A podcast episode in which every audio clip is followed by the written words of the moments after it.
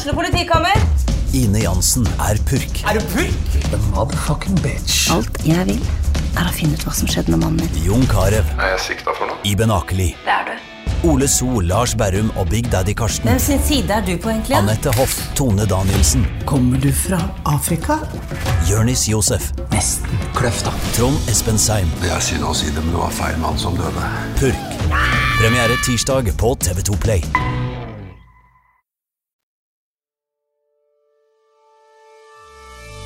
Velkommen til Buddy på Lillestrøm Torv. Vi hjelper til med vask og klipp av hund, og alt annet innen stell av dyr, reptil og akvarium.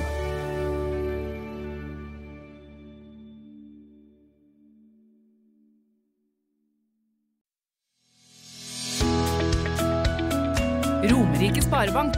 For deg og lokalmiljøet.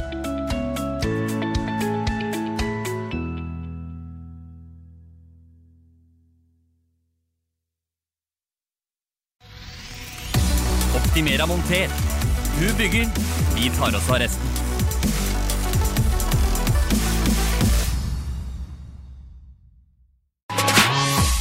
Du lytter til fotballpodkasten Dødball. Da er vi i dødballstudio igjen, vi, vet du. Det er eh, mandag, og da jeg gikk inn her i dag, så var det sol og fint vær. Og jeg ser at du er jo tilbake, Kristine Tovik. Eh, Yes. Velkommen tilbake. Du Takk, takk. har kommet deg gjennom sjukdom. Jeg har i hvert fall ikke feber lenger, så jeg får være fornøyd. Men var det gårsdagen som fikk deg frisk igjen. Ja, det er jo lov å håpe. Jeg så jo den fra sofaen, beklageligvis. Jeg hadde, klarte ikke å skrape meg sammen til å dra til Drammen. Jeg skulle på jobb i dag òg, så jeg måtte ta en avveining og tenke helsa først. Ja, var, det, var det helsebringende de overtidsminuttene der i går? Ja, det var definitivt ikke helsebringende. Jeg holdt jo pusten sikkert i sju minutter. Det var jeg ikke aleine om, har jeg skjønt, eh, på Facebook og Twitter òg. Vi liker å gjøre det litt spennende for oss sjøl, men nå klarte vi å holde hele veien ut. Så. Så har vi med oss eh, Tom Nordli også, som vanlig. Du sitter med beina rett ut og slapper godt av nå, for han som pleier å sitte i stolen ved siden av deg, han eh, skal vi snakke med senere. Fredrik Larsen. Han eh, er i Berlin, på vei hjem for øvrig, men vi får med oss han eh, Vi går løs på lokalfotballen litt seinere. Jeg har fått meg stressless med fotskammel jeg, nå, Blakkaren er borte. Så det går bra. Men Kristin, hvis du holder pusten i sju minutter, og ikke er dau, så anbefaler jeg å gjøre det oftere. Da tror jeg du får ut en del gruff.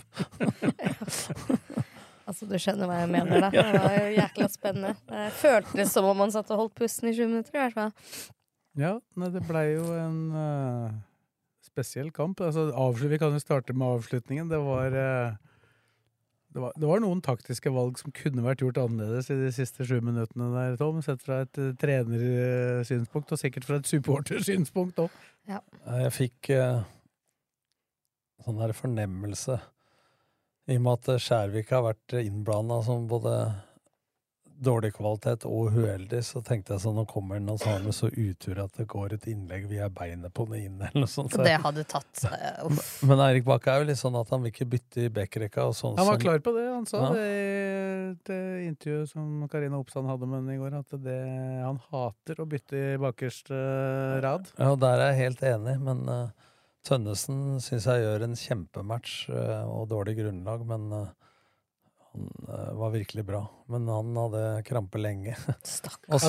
jo, men det morsomme, for jeg var jo da i Drammen. Ja. Uh, må, eh, ja, kanskje aller først må jeg bare hylle Kanari-fansen for den stemningen som var der. Jeg vet, det hørtes sikkert bra ut på TV, men å være der, det var altså helt vanvittig hvordan de overdøva Ja, men på TV gods- jeg hørte, godsesupportere. jeg hørte dem sånn eh, bare den ene gods, gods Jeg skal ikke nynne, jeg klarer ikke, men dattera mi pleier å si 'hold kjeft, pappa'. men uh, ellers så hørte du Canary-fansen hele tida. Så dem dem Ja, nå kan eh, jo av og til på TV være litt sånn at lyd er stilt litt forskjellig og sånn. Ja, det kan være eh, mikka opp, men det der var, var ikke noe tvil om at det var var i hvert som hadde stemninga i går. Altså klart Etter hvert så når de fikk ledelsen, så ble det enda tydeligere, selvfølgelig. Men selv i det øyeblikket på det tidspunktet hvor det var uavgjort Ja, men sånn. det som jeg likte i det siste, er eh, når man slipper inn mål, så har det på en måte økt volumet. Akkurat som når du scorer mål. Så når de slapp inn en i 88., så ble det ikke noe sånn uff og nervøsitet fra supporterne. I hvert fall ikke utad. Det Nei, var nei, sikkert litt ja, ja, men, nerver men det var trøkk, da. Det var det jeg mener. Ja. Ja, det tror jeg er ekstremt viktig.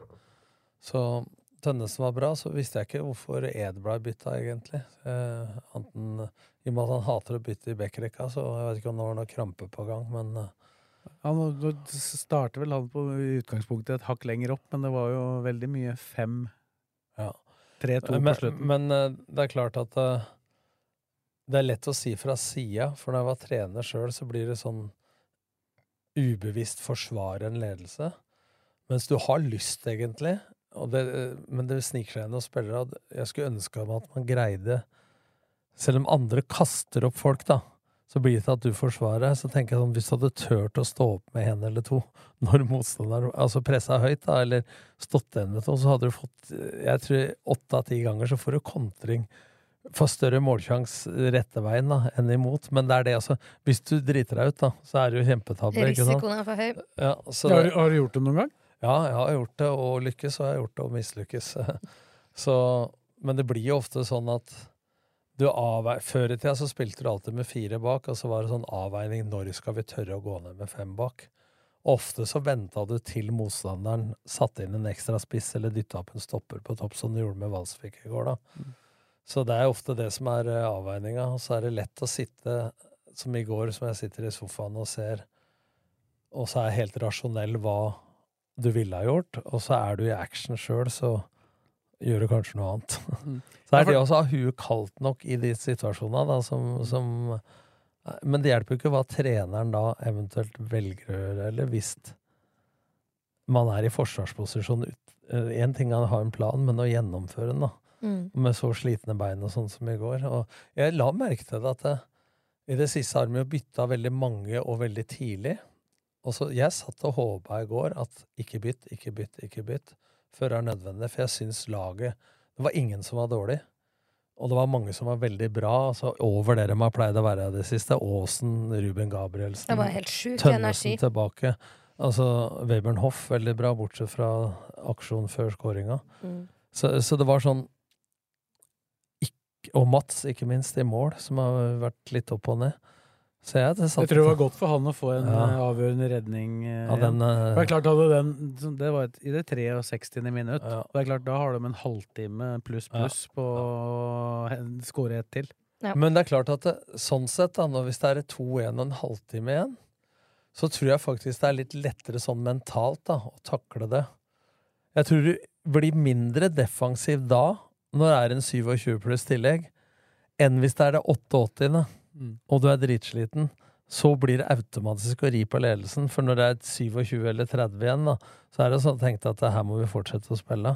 Det, det det, men det var det jeg skulle si om publikum der. Da. Det var jo et voldsomt kok etter hvert også fra hjemmepublikummet der, da de jagde utligning på slutten der. Og, og Tønnesen, altså jeg veit ikke om det fantes én muskel i den kroppen han ikke hadde krampe i på slutten. altså det var, men, men, men dem anklaga jo han for å spille, for hver gang det var stopp i spillet, så lå jo han med beina høyt og skulle strekkes. Men du Men ser- det var, det var veldig reelt, for å si det Ja, sånn. men du ser det på TV at det var ikke noe faking, den der. Altså, for når han prøvde å rette ut det ene beinet, så kom krampa i det andre beinet. Og når han prøvde å ta med armen, så fikk han krampe i armen. Ja, det så vondt ut, rett og slett. altså. Ja, men jeg vet ikke hva jeg sa det til deg men på forhånd, men jeg sa at det, kommer jo til å bli bytter her, for Tønnesen kommer jo garantert ikke til å spille 90, men det, det gjorde han altså. Han 90 pluss skulle spille til krampa tok han Ja, litt han, til. han, de, de skulle, jeg vet ikke om du fikk med dere det på TV, men han var jo ut på sida, og da var han jo faktisk på utsida av banen. Eh, Så de spilte jo en periode med, Med ti mot, ja, mot elleve. ja, ja. For da var det jo meninga bytte, så han Sondre Jacobsen han kom jo med byttetegn og greier. Men problemet var jo at uh, Godset tok jo bare et kjapt uh, frispark. Og da fortsatte bare spillet, så de fikk jo ikke, fikk jo ikke gjort det byttet. Og da var det bare og da, og da vinka jo han for å komme seg inn igjen. Ja, og da ble den der. Da kom han inn igjen, og da fikk han, da fikk han eh, satt inn en takling eller noe sånt. Noe. Ja. Han, han fikk så vidt strekt fram ei tå for å ta Ja, vekk han, en ball. Ja, han blokka faktisk en der. Og, Og så kom Skjervik inn, da. Eh, Ja. På 94 og nå kom han inn. Men det er ingen tvil om at eh, med Garnås i går og Nå er vi inne på kampen, da. Jeg syns jo eh, Jeg forventa det med Eirik Bakke. Mer rein 3-5-2. Jeg syns jo Thomas Lene og, og Skogvold gjør et helvetes godt press på topp. Eh, vi kjører enten bekka i dem sidestoppere eller indreløpere i dem sidestoppere, og så veksler de. Og de står opp høyt. Eirik Bakke står på sida og jager backrekka ut. For det har vært, vi har tatt i studio også flere ganger at det har vært stor avstand mellom backrekka og midtbanen. Eh, det blei litt store avstander noen ganger i går òg, men i første omgang. Men det var mest for at vi mista ballen osv. Men jeg likte presset, jeg likte gjenvinninga, jeg likte framoverfotballen. Skal jeg pirke på noe, så var det, bortsett fra Tønnesen, så syns jeg at man eh, oftere istedenfor bare å dytte den på tvers, kan utfordre presseleddet. da, At de tre bak oss, Lillestrøm, kan utfordre øverste presseledd, om det er spissa eller hva det blir da i godset. Én eller to eller tre. Og så skape overtall på den måten, istedenfor å bare spille den rundt og så dytte den opp til en kant. At du oftere kan skape overtall sentralt i banen, da, men det blei mye bedre i annen omgang. Og Tønnesen og Ruben eh, var jo hakket bedre enn Garnås på akkurat det, og det ligger jo litt i, i naturen. Men det å få inn det venstrebeinet til Tønnesen sånn ja. uh, bare, bare, det å få det venstrebeinet uh, heva jo laget spesielt offensivt. Ja, og så var, det sånn at man har alltid klagd på Ibrahimay og Aasen som indreløpere, at det, han Ibrahimay er best som, uh, som sekser, og at Aasen er best som kant.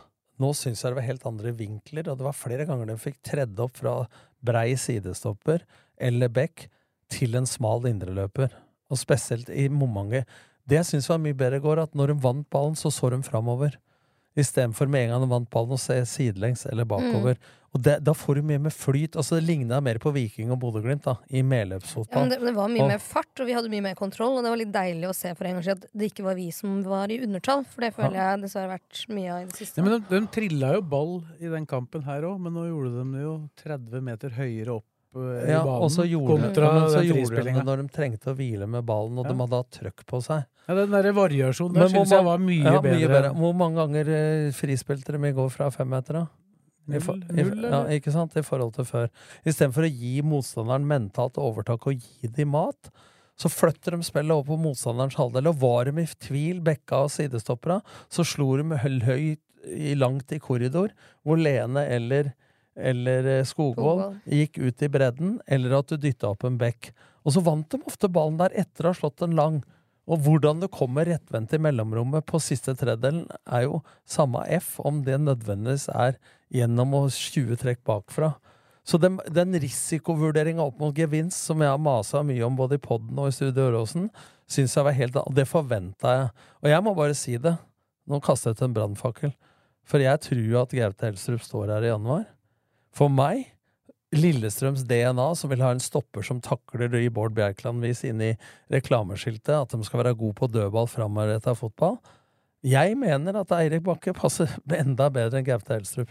Altså, jeg tenker, den, Kristine, den kampen som LSK spilte i går mm. eh, nå, nå, skal vi jo ikke ta alle supportere, de tenker jo ikke likt. Men jeg tror det er ganske mange av LSK-supportere som uh, syns at LSK spilte i går sånn som de vil at LSK skal spille. Ja, men definitivt. Altså, du har jo Gjermund Aasen, kaptein med stor K. Han var jo overalt. Han, han, brukte jo nesten så skulle tro hun var sliten etter eh, den peptalken i den ringen før kampen. Ja, men Det var så mye energi. Altså, jeg vet ikke hva de drakk før den kampen, men jeg trenger en sånn en, liksom. Selv om, selv om var, du ikke liker å høre dommedag, så har det vel nesten ikke vært sånn energi akkurat på Nå snakker jeg om spillestil. Ja, ja. Som det spillere har greid å levere da, eller? Altså rett ut ifra Eh, ja, men altså, alle var på speed i går. Altså, spillerne, supporterne. Altså, det, var, det er vondt for meg da, at jeg ikke var der, selvfølgelig.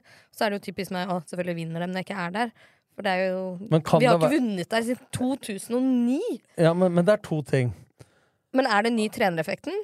Ja, men hør nå, jeg skal svare på det. For at det, Geir og Petter har gjort en kjempejobb. Men jeg har sagt det før, at det har ligna mer på Possession og litt mer Petter enn det har ligna på Geir, og det står jeg for.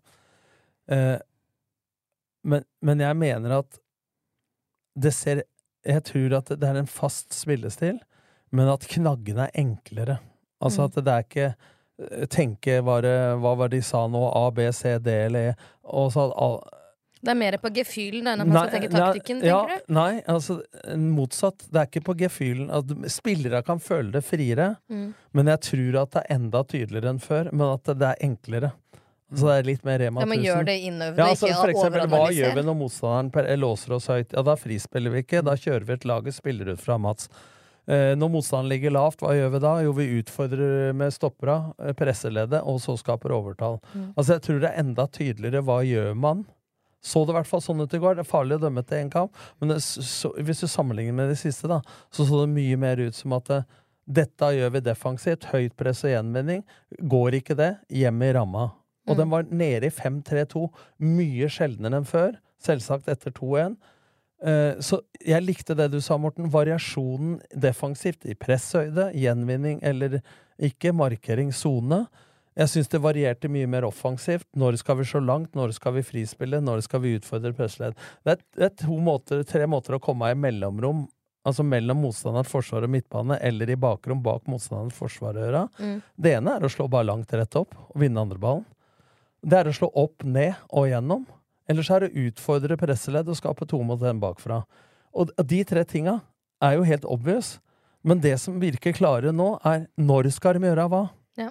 Ikke sant? Altså, Nå, nå skal de har vi- hatt alle verktøyene, Morten, i kassa, men de har brukt hammeren når de burde ha brukt skiftenøkkelen, for å bruke en metafor. Ja, det, har vært, det, det har selvfølgelig vært for mye å tenke, tenke på for dem. Da, så de, det har blitt litt overtenking, kanskje. Ja. Og da spesielt i kamper hvor det butter. Da. Det var jo kanskje den Tromsø-kampen hjemme Ja. var jo et eksempel. Sarpsborg-kampen hjemme, den vet jeg ikke om du kanskje kan legge på den kontoen. Da. Men jeg tror jo etter to fjerdeplasser, da, så virka det på meg som at da var det viktig for uh, Petter og Geir da, at de skulle på en måte videre, ta dette her et steg videre. Og da blei det kanskje med den spillergruppa de har per i dag, litt for vanskelig, da. Men hva skjedde med Sarpsborg også?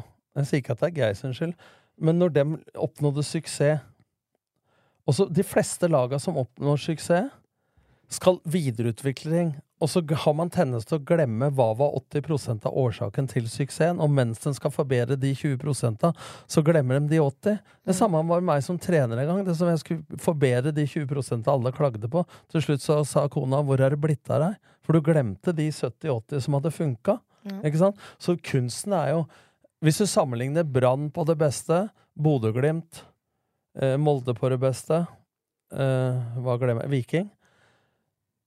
Viking, Jeg hørte en, eh, pod nå, eh, spesialepisode eh, 69. mann eller noe sånt med, med Viking, hvor de i fjor la opp formasjon eh, veldig mye etter motspill, altså etter motstanderen. Og nå, og nå har de sagt nå skal dette vi spille sånn. De har fokusert i 70% på seg sjøl og 30% på motstanderen istedenfor 50-50. Og si hva du vil, da. Da er du mer forutsigbar for motstanderen. Men du er altså mer forutsigbar for egne spillere. da. Jeg snakker om tryggheten. Så da Lillestrøm nå, i den verste perioden, har tatt imot ballen, leita etter folk, Ja. så er de laga jeg nevnte nå, de veit hva de skal gjøre. Når, altså når ballen er på vei fra en bekk til en indreløper i Viking, så veit kanten hva han skal gjøre. Da har han starta allerede. Det handler om å vinne det sekundet eller halvsekundet. Og nå er såpass bra organisert at hvis du skal utnytte dette her for å slippe å spille mot 5-3-2 eller 5-4-1, så må jo de der fasene hvor du vinner ballen, skje mye fortere, da. Og det er, det er ikke tvil om at når jeg møtte Espen Olsen og, og kompani i, i, i eh, gangen etter kampen, siste hjemmekamp Ja, hjemmekampen nå forrige ja, match. Når de tapte mot Viking, Mot Viking ja. så var ingen tvil om at der hadde Eirik Bakkås et eh, høyere press, Mm. gjenvinning, foroverfotball, mer kyni kynisme. Altså Der utvikling har jeg masa om også. Å være kynisk. Man klager på Viking. Åssen de ligger ned og alt mulig sånn. That's the name of the game. Mm. Så jeg syns vi har vært litt for sånn Det var jo der jeg syns Lillestrøm var litt for svake på overtida i går. da Ja, det er du, du så liksom snille gutter som Filip Slørdal og eh, Lundemo skjønte det. Han gikk jo til corneren der en gang. Ja, ja. Men Slørdal fikk jo en etter at det hadde vært Ja, han- han- vedvarende press i én, ett minutt, i hvert fall. Så la han inn. Ja, det var, det, det var da han fikk vi ballen fra Lundemo, ja, men et rekk, litt tidligere så, så skulle han jo bare slått den ut og til innkast langt nede på halvdelen. Men han slo den bare langs for å holde den inne på banen, og så kunne jo da godset bare kjøre tilbake igjen. Men det, akkurat det du sa der med de der frie greiene, det beste eksempelet på det er jo Yldren Ibrahimai som indreløper i 3-5-2. Og Åsen. Eh, og for så vidt også Aasen. Eh, da, hvordan var Yldren Ibrahimai da eh, under Myhre og Bakke? Jo, da var han sånn at han, eh, det stoppa opp for han, så vendte han tilbake eller slo på tvers. Han var aldri framoverretta omtrent, han som er indreløper. Ja, Men nå er han mye friere. Nå er han kanskje like ofte over på venstresida. Ja, men, men vi har snakka om det før. Hvorfor skal han være friere i en sekserrolle enn en åtterrolle? Altså sentral kontra indreløper. Det skal jo egentlig være lettere å være friere i en indreløperrolle hvis ikke det Ja. ligger masse betingelser der. Og hvorfor skal han da være friere som kant enn det han er eh, som indreløper? under Bakke og Myhre så syns jeg jo at Yldren Mai har vært best enten som kant i 3-4-3, eller som eh, nei, Eller som spiss eh, Ja. nummer to, da. Altså ligge Ja. sammen med Lene, for eksempel, eller Akor, da. For da syns jeg det har vært mye mer framover. Men jeg tror det at det, det blir som altså, hvis du går på karate, altså, og du kun har grønt eller blått belte, og du blir angrepet og står og tenker på hva var det treneren sa igjen, så har du slått ned før du får løfta henda. Men hvis du har automatisert ting, da Ja, ja. Det, Altså, hva er intuisjon? Intuisjon er basert på tidligere erfaring. Så hvis du kjørte bil når du var 18 år og det kom en elg ut i veien, så hadde du tatt bremsen og kjørt ned elgen. Nå vil du satt den i fri, har, eh, eller trøkt inn kløtsjen hvis du har mannvelger, og svingt unna. For du har vært så mange ganger i en situasjon at du handler på intuisjon, og den er basert på tidligere erfaring. Og dette går litt på mine prinsipper som trener òg. Hvordan skal du få folk til å handle på intuisjon? Så har folk trodd, for eksempel, for å bruke meg som eksempel, at man har hatt så mye faste oppspill. Man har ikke hatt det. Man har hatt et fast bevegelsesmønster som skal Når de bevegelsene stemmer, så skal det utløse sju-åtte valg for ballføreren. Og det gjør at du ser Bodø-Glimt, du ser Molde, du ser Viking, du ser Brann. Så ser det ut som de er mye raskere og mer intensitet enn Lillestrøm har hatt. Fordi de er i forkant. Fordi de har trent så mye på akkurat det. Og jeg, du må ikke si at det er disse Petter og Geir, altså. Men det er fordelen med å være ha en fast stil. Mm. Ulempen er jo at du er forutsigbar. Mens Petter den vet jeg mente at det var mer pragmatisk, og den moderne fotballen er mer sånn og sånn. Men hvem er de beste laga i verden? Er det de som forandrer jævla mye? Det nye nå er jo Det er sånne detaljer da, som jeg har sett noen av laga gjort. Molde har gjort det. Så tidlig som Martin Andresen trente Vålerenga, så gjorde de det. At de dytter opp en stopper sentralt i banen. Odd gjør det med Paco Johansen med Solo Obusu. For å skape overtall sentralt i banen.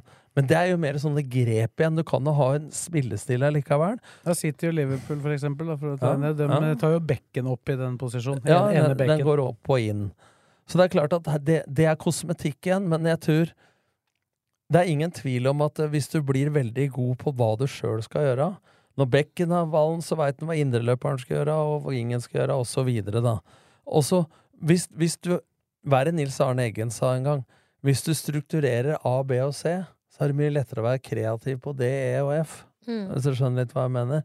Eh, Men hvis du skal liksom prøve å tenke som medspilleren din på A og B, setter det på spissen, da, og du ikke har trent på det sammen, da Jeg sier ikke at som ikke har gjort det, men jeg bare setter et bilde. Ja. Så, så hva er fordelen med å være klokkeklar på det?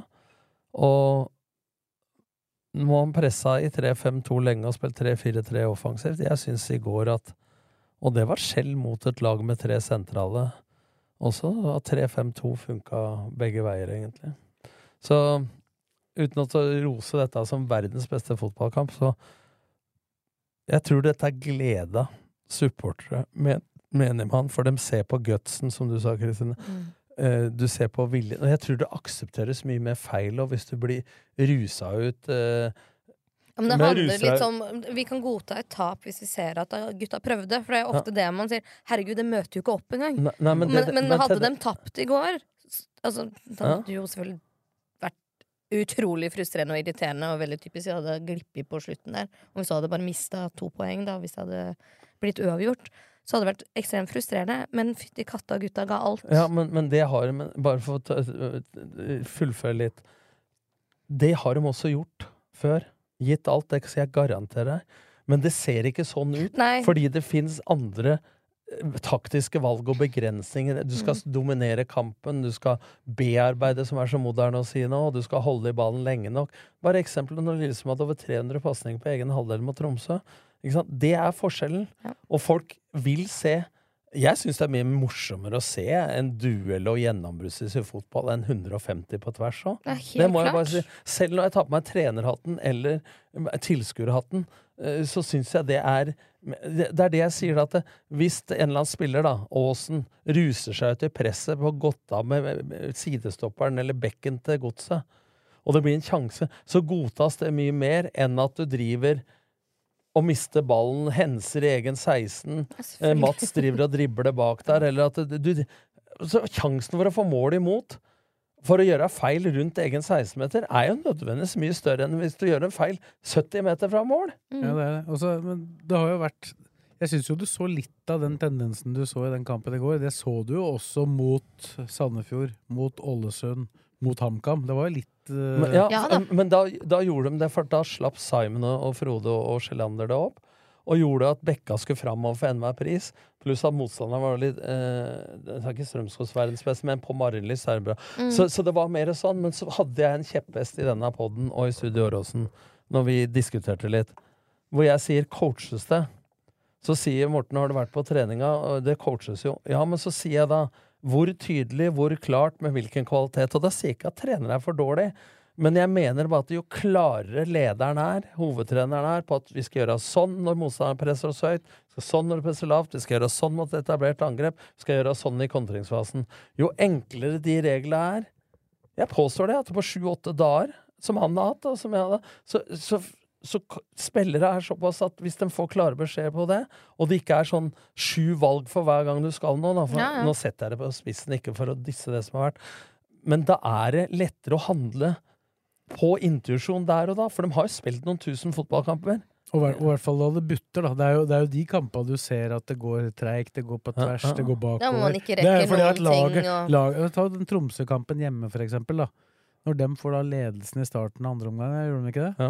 Da, da forandra jo ikke det kampen. Da la jo bare Tromsø seg helt rolig tilbake og hadde egentlig full kontroll på det LSK foretok seg. Og da, da fant de ikke åpninger, men da burde de jo ha begynt å Hadde det vært med, med Eirik Bakke, da, så hadde han begynt å, å slå mye lenger og tidligere. Ja, hva sa jeg etter den kampen? Når Lillestrøm leder ufortjent 1-0 til pause mot Tromsø og så jeg er borte, ja. Jeg er borte. Hvorfor i all verden da? Kan du ikke bare innse vi er borte, vi skal ikke underholde? Vi har ikke fått til en dritt. Istedenfor å begynne å frispille Eller få frispille på nytt igjen, da. Med folk i uvante roller. Slørdal og Skjærvik bak der som to av tre. Ikke sant? Skal plutselig med lite kamperfaring plutselig frispille. Hva er gevinsten kontra risikoen da? Hvorfor da ikke ri på den ledelsen, da? Er du i tvil, slå ballen opp, få inn Skogvold sammen med Lene, som vi har sagt Dette er ikke noe etterpåklokskap, så sa du jo da. Få den opp. Ettertrykk, etablert. Langpasning må ikke være sånn at det er dårlig fotball. Hvis det er en bevissthet rundt langpasningen og rundt nedslagsfeltet Mm. for gjenvinning eller støttepasning, da. Jeg kan ikke skjønne hva som er feilen med det. Så jeg syns Lillestrøm i høst, fjor høst, og delvis nå i våres, har blitt for meg et for ballbesittende på tvers og bakoverlag. Det har vært kjedelig å se på. Jeg, sy- jeg, sy- jeg syns jo ikke de var så kjedelige å se på i 2021 og Nei. 2022. Nei. Så det, jo- det er noe som har skjedd i år. Men vi får ikke glemme at de tok 20 poeng på de tolv Ja, kampene de hadde ja, laget. Da. Jeg er enig i, Morten, men jeg tror den fella som er lett å gå i, er at når man har oppnådd to fjerdeplasser, som du sier da, så skal man ta det neste steget, og så skal man bli mer ballbesittende, mer utviklet, tenke utvikling og ikke resultat, og så glemmer man litt hva er det vi har av mannskap? Hva er forutsetningen for å ta det steget? Og det, De har pratet mye om det moderne ordet og bearbeiding og DNA. Og hvis Lillestrøms DNA da er sånn og sånn, så har det i hvert fall vært i de dårlige periodene så langt unna Lillestrøms DNA som jeg kan tenke meg. da. Ja, og så er det jo li også litt sånn at i lange perioder her så har de hatt skade- og Ja. fraværsproblematikk, da. Og da bør du vel kanskje også i større grad uh, Forenkle det. forenkle det for de som Jeg- er igjen, da. Jeg er helt enig, men, men det er jo ikke tvil om nå at Garnås, Ruben og Tønnesen er en bedre kjemi med folk foran seg, også av, på grunn av venstrebeint, høyrebeint osv., enn det det har vært i det siste. Så, så litt forsvar for de trenerne som har vært, og Simon som var over kampa, så, så har det vært en del kamper hvor de får ikke forandra kampbildet med noe bytter, eller, så det er unnskyldninga. det, det, det, det prata vi faktisk om i går, da Ja. de drev og varma opp der, da. Så var det jo Lundemo, det var uh, Svendsen, det var uh, Skjærvik. Og det var, det var liksom Det var i hvert fall fem uh, innbyttere som du på en måte i hvert fall kunne bytte inn. Som i det siste har uh, Måtte spille. måtte ja, og. Slørdal, Slørdal var jo der også, selvfølgelig. Men, men du har et hovedpoeng der, at, som jeg mener, Morten, som du sa. Det er at du har en plan som funker eh, når de som har spilt mest, er samhandla og de beste spillere. Det er bare å se på Molde, da, som eh, stiller med et helt annet lag uh, utafor Europa. Og jævlig gode spillere bør de tatt Hvis de har trent sammen hele året, så har de blitt topp fire i Eliteserien. Men de har jo ikke spilt så mye sammen. Selv om de har trent. Så jeg mener at da må du forenkle. Altså, altså Ikke gi motstanderen mat, så jeg syns dette var meget lovende. Og selv om det ble litt avstand i laget i første omgang og panikk på slutten, ja, heller det. For hva var feilen i går? De var jo solide defensivt, men slapp, de fleste sjansene godset hadde, det hadde de for fanken meg etter 2-1. Ja, de hadde, Ja, de hadde jo et par-tre i første omgang. Da. Den aller første hadde Ja, det er enig, men der. første halvtimen av annen omgang, det er det beste jeg har sett av LSK på lenge. Ja.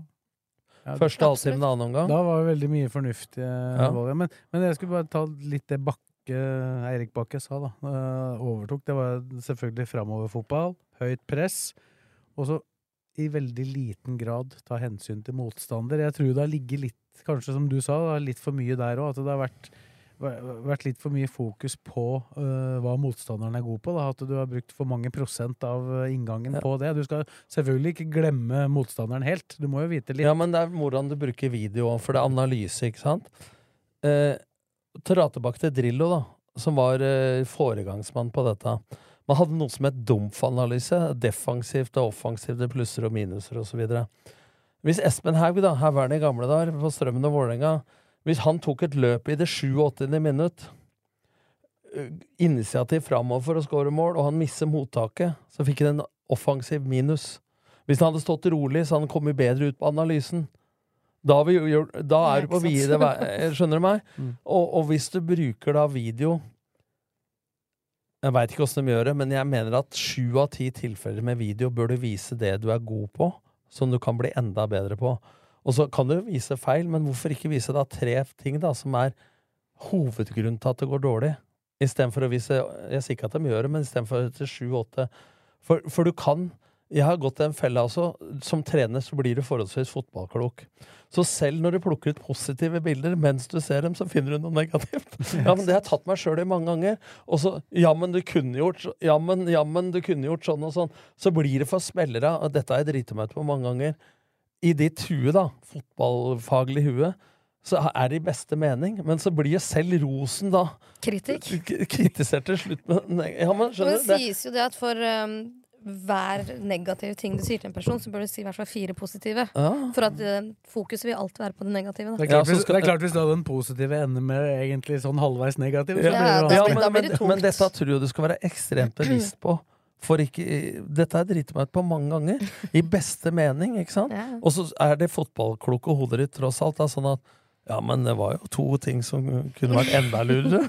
Ja, men der tror jeg altså Det å bruke analyse og video, hovedgrunnen til hva er det vi er gode på, hvordan skal du gjenskape og videreutvikle det, og selvsagt hvordan stoppe motstanderens beste egenskaper, men uten å legge om hele spillet sjøl, da. Nå snakker jeg på generell basis, nødvendigvis ikke LSK. Men, Men jeg- men hvilke lag gjør det best i Norge? Hvilke lag gjør det best, stort sett? Er det de som er lett å kjenne igjen, tross alt? Eller er det de som forandrer hele tida? Selvsagt har du noen lag da som har verdens beste spillere på banen, som eh, kan spille av nesten åssen du vil, og bare legge ham, og så, og så funker det. Ja, og da møter du jo stort sett en mur og en vegg, da. Det er, Ja. det er, og det er jo det fortsatt det vanskeligste Men med all respekt så kan ikke Vetle Skjærvik eller Slørdal eller noen av de andre spille som Manchester City. Jeg beklager. Du kan godt ha en idé om det, og det er mange trenere som Selv om, det, selv om det ikke har sett sånn ut i det siste, Nei. så tror jeg faktisk likevel Skjærvik er en av de som er best med ball. Han er Det- en av de som ja, i hvert fall slår gjennom det, ledd. det er jeg enig i, men jeg tror det er I all digitalisering og framgang så tror jeg man skal bruke ting og nyskapninger med litt kritikk. For det er mye som kan se fint ut på tegnebrettet, altså. Ja. Ja, ja, det er det. jeg tror at uh, det enkleste ofte er det beste noen ganger. At man ikke må overtenke, men at man må Det er forskjell på å samarbeide og samhandle. Samarbeid er noe du må med noen. Samhandle er noe du ønsker med noen. Men jeg tenkte på det spesielt kanskje i andre omgang, i den halvtimen som du beskriver som eh, veldig god. Da var det veld, veldig tydelig for meg som satt på tribunen, i hvert fall, at den gjenvinninga som spesielt Vebjørn Hoff, og også til dels uh, Aasen drev med Altså, Aasen er ikke noe Usain Bolt, men i går så han kjappere ut enn han har sett ut på lenge. Altså. Men hva er grunnen til det? Når han før har titta seg bakover og lurt på om han har sikring, og så skal han eh, fram, så har han tatt det sikre for det usikre, så har han falt av. Nå var det bare sånn at Altså, vi hadde noen grunnleggere i gamle dager. Når du mister ballen Jeg kalte det for uh, Gjelleråsen kro da jeg hjalp Ørjan Heiberg.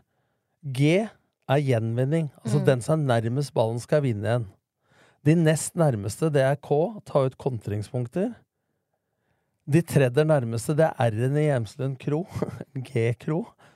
Det er returløp. Og det fjerde O-en i kro, det er offensiv markering.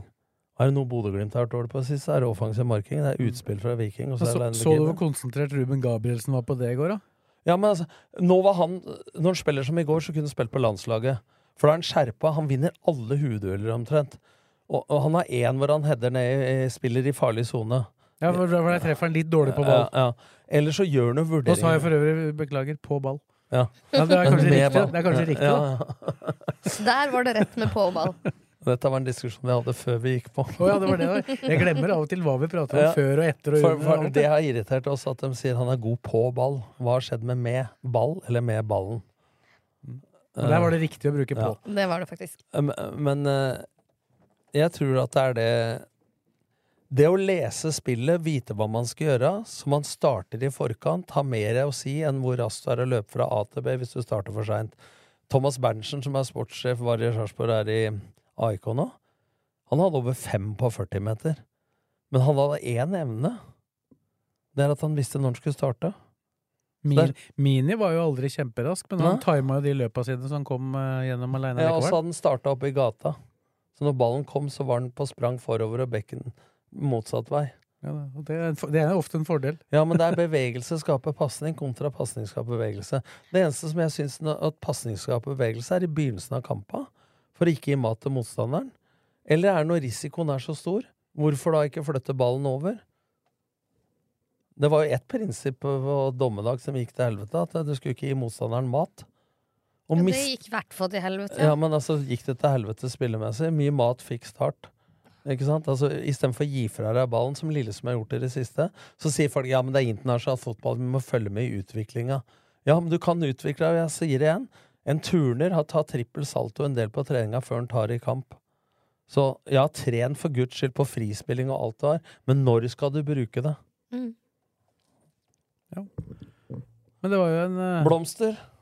Ja. Viktig. Det hadde vært veldig bittert å fått eh, 2-2 på slutten. Ja, det hadde vært ekstremt For det var særdeles fortjent sånn overall. Og så nå gjorde jo ikke den der eh, trepoengeren noe sånn revolusjonerende på tabellen. Jeg Men opp oppi huet. Jeg hører jo at, hører jo at enkelte, i hvert fall noen, eh, antyder at sesongen på en måte er over, men det blir jo litt i overkant når det var tolv kamper igjen før den. Jeg vet ikke hva du 36 tenker. eh, poeng igjen. Mange poeng har de nå? 32? 32, ja. Ja, og så er det, nå er de 32. Så Kan, er det 36 igjen å nå, spille om. nå er det 33, da. For det, som, Ja. det er bare 11 igjen nå. Men det er, de kan ta flere poeng ved å vinne resten av kampen enn det de allerede har. Ja. Ja, nei, vi rykker i hvert fall ikke ned i år. Og du, du, tar, du tar sjansen før du har nådd er to poeng igjen til grensa til Per Tandberg ennå. Ja, jeg veit. Jeg vet. Det er, vi er ikke trygge før han melder det. Men eh, jeg håper jo han kan melde det. Jeg tror nok ikke alle De har dobbelt så mange poeng som Vålerenga. da. Det er, noen Nå? som, har- det er noen som har mer godt av å gå på apotek. Riktignok har Vålerenga én kamp til gode, da. Men, eh, men Du veit at vi får ikke valium uten resept, ikke sant? jeg sa, i 2019, jeg sa i 2019 at det er større sjanse til å rykke ned enn noen gang. Og da hadde man mye poeng, men da så jo tendensen helt annerledes ut. Altså, bare glem det. Det, Vi rykker jo det er topp seks. ja, altså, nå er det jo, det er jo Gleppe er jo mellom LSK på sjetteplass. Eh, For det var jo helt tvingende nødvendig for å holde på en måte ryggen til Brann og Molde. Ja, ja, ja. Det var jo helt avgjørende. Det var jo bare Molde som ikke vant av topp seks denne helga her.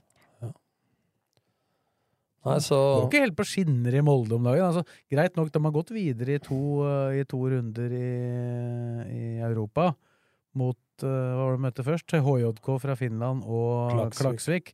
Og Klaksvik har jo slått Ferencvaros og Hekken, så det er jo, de klarte faktisk å slå dem, da, men allikevel så er det ikke sånn Avga poeng mot Sandefjord borte. Det, det er jo lag som det bare er å sette ut skoa øh, mot. For, det, for det, det er jo litt sånn morsomt da, når jeg syns det ofte er en tendens da, til å snakke ned LSKs seire. da. De har slått HamKam, som har fem seire på de sju siste. De har tapt for Brann og tapt for LSK. Det er eneste på de sju siste. Og du har Sandefjord, som har slått både Vålerenga og yppa seg mot Men flere i det siste. Se på statistikken Molde har mot uh, Sandefjord de siste Ja. åra. Og møtte, jo mø- ikke akkurat Real Madrid i går heller, da. Så liksom Det er de to kampene de har tapt som fortjent. Det er jo mot de to lagene som Men- per øyeblikk er i best form. Men nå form. kommer jeg på én ting til som er fordelen med at spillestilen og tenke på egne ferdigheter er best, etter mitt syn.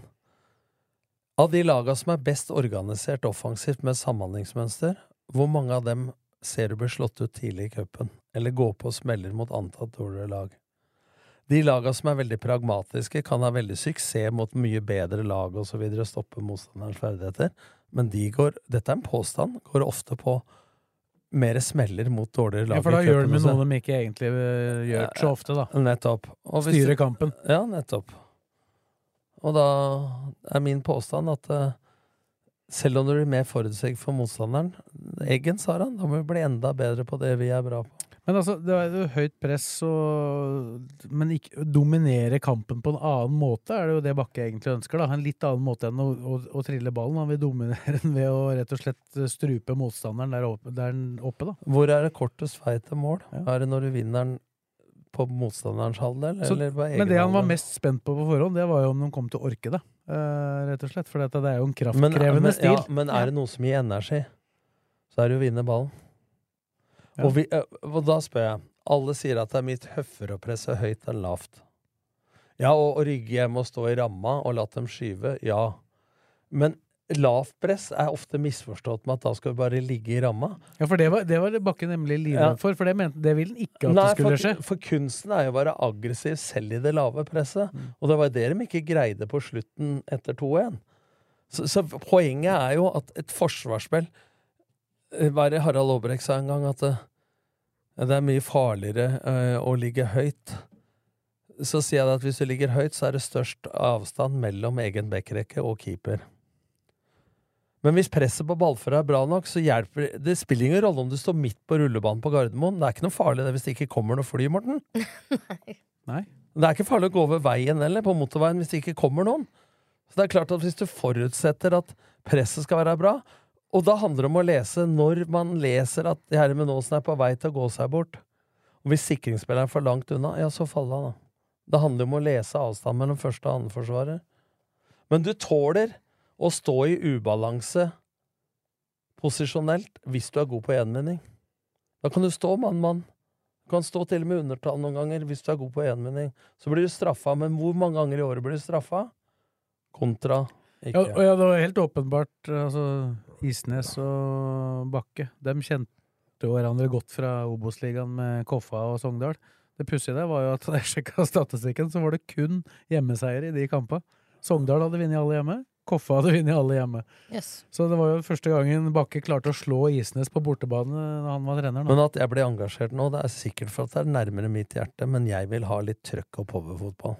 Ja, det- Jeg orker ikke jeg har, det der. jeg har en følelse av at uh, mange av de som hører på her, at du ikke er, at du ikke er aleine. Nei, jeg tror ikke det. Nei, men det, det, Det er morsommere å se på, og det er gir underholdnings, er underholdningsbransjen nå, er det ikke det? Jo da. Men du skal, beste underholdning er å vinne, det er jeg enig i. Men, men ute mannskapet du har, har Lillestrøm et mannskap da som skal frispille fra egen femmeter, skape overtall bakfra? Men samtidig- men De greier jo det, men hva hjelper det? det? Men samtidig var det jo, var det mye fint spill. Og den, Ja. den, den kontringa når Skogvold etter min mening burde ha avslutta bedre, og Ja. så scora.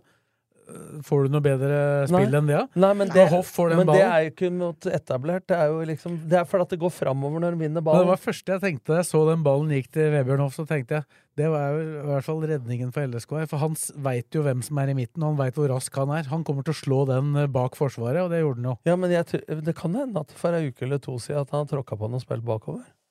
Ja, kan hende, selv om han jo- har jo et fotballhue til å kunne slå den ballen. da. Hadde det vært Gjermund Aasen som hadde kommet på motsatt side, så hadde han antakeligvis gjort akkurat det samme. Altså, vil men, han, men, han, men han utfordrer jo disse her ledere i laget, da, som vi har prata mye om. Altså, du har Gabrielsen, du har Vebjørn Hoff, du har Gjermund Aasen, du har Thomas Lene Olsen. Som jeg skrev i kommentar i dag. Han sa jo det, han, fikk, jo- bygge han, fikk, han fikk jo de svara han ville fra dem. da Han Ja. mener jo at de enkeltvis er blant sine beste, de beste spillere i hver Ja. i den posisjonen de men, men ved å peke på dem og ansvarliggjøre må da Det er mange måter å bli sett på. En måte er å kjæle med folk, en annen måte er å stille krav til folk. Det er bare måten du stiller krav Og på. han stilte jo krav til dem på en positiv måte, for at han sa jo at han mener at de er så gode. Ja. Og da må det det er opp til dem å vise at de er så gode. Ja. Og når jeg så Gjermund Aasen i går, etter kampslutt, hvor han legger seg ned på. Han hadde faktisk krefter igjen da. Ja, men det hadde han i arma, for han lå på alle fire og slo i bakken. Det var Og jeg tror ikke det er bare de tre poengene, men det er måten det skjedde på. Og så er, selv om det var dårlig etter 2-1, så er det liksom den lettelsen, da. Ja, men det, er, det forløser noe, da. Altså, det, jeg tror Ja. det, det, det bildet av han hvor han måker ned i Altså, det, det er så mange som kjenner seg igjen det. Det var så Men digg de å se. første kampene til Simon og dem, pluss nå, da har det vært energi. Mm. Men i går så var det eh, en annen type energi enn i de kampene til Simon og Ja, ja, og det Gelandro. For det var liksom Det var ikke noe tvil. Vi skal presse der ballen er. Ikke sånn derre Vi skal drive med skjermepress og, og sånn derre bueløp og stenge av sone og vinkler og alt sånn. Det var som Erik Karlsen i gamle der, fotgjengermorderen. Ja, men alt var på i går. Altså, bare det der toget til Kanarifansen som gikk fra sentrum samla. Du så dem hoppa gjennom undergangen der. Altså, jeg fikk en del videoer. eh, Men har du hørt, har du hørt historia til Erik Karlsen om fotgjengermorderen? Nei. Han sa det han skulle forklare førsteforsvaret på Strømmen. Jeg måtte le. Så sa han hvis du har en du hater som du skal ta på støtfangeren i, i fotgjengerfeltet, da har du to valg. Det er å stå oppe i gata og ruse motoren på fullt, med flomlyset på. Fullt lys. Tror du han går ut i fotgjengerovergangen da? Nei. Nei, du skal stå litt oppe i gata, på tomgang, med lysa slokt, og når han går, eller hun går, ut i fotgjengerovergangen én meter, så tar hun henne på fangeren. Men det var hans bilde for han Skulle ikke ha noe bueløp her og lede innover Nei, eller utover. Han sa du skal oppi, og rekker du oppi, så kan du lede. Ja. Ja, det likte jeg. Altså, det er sånn Måka på. bild, bilde. Fotgjengermorderen må aldri glemmes. Nei, det er, det er noen gode bilder. Ja, det er det. Så det. Og Aasen, han øh, Han var jo gira.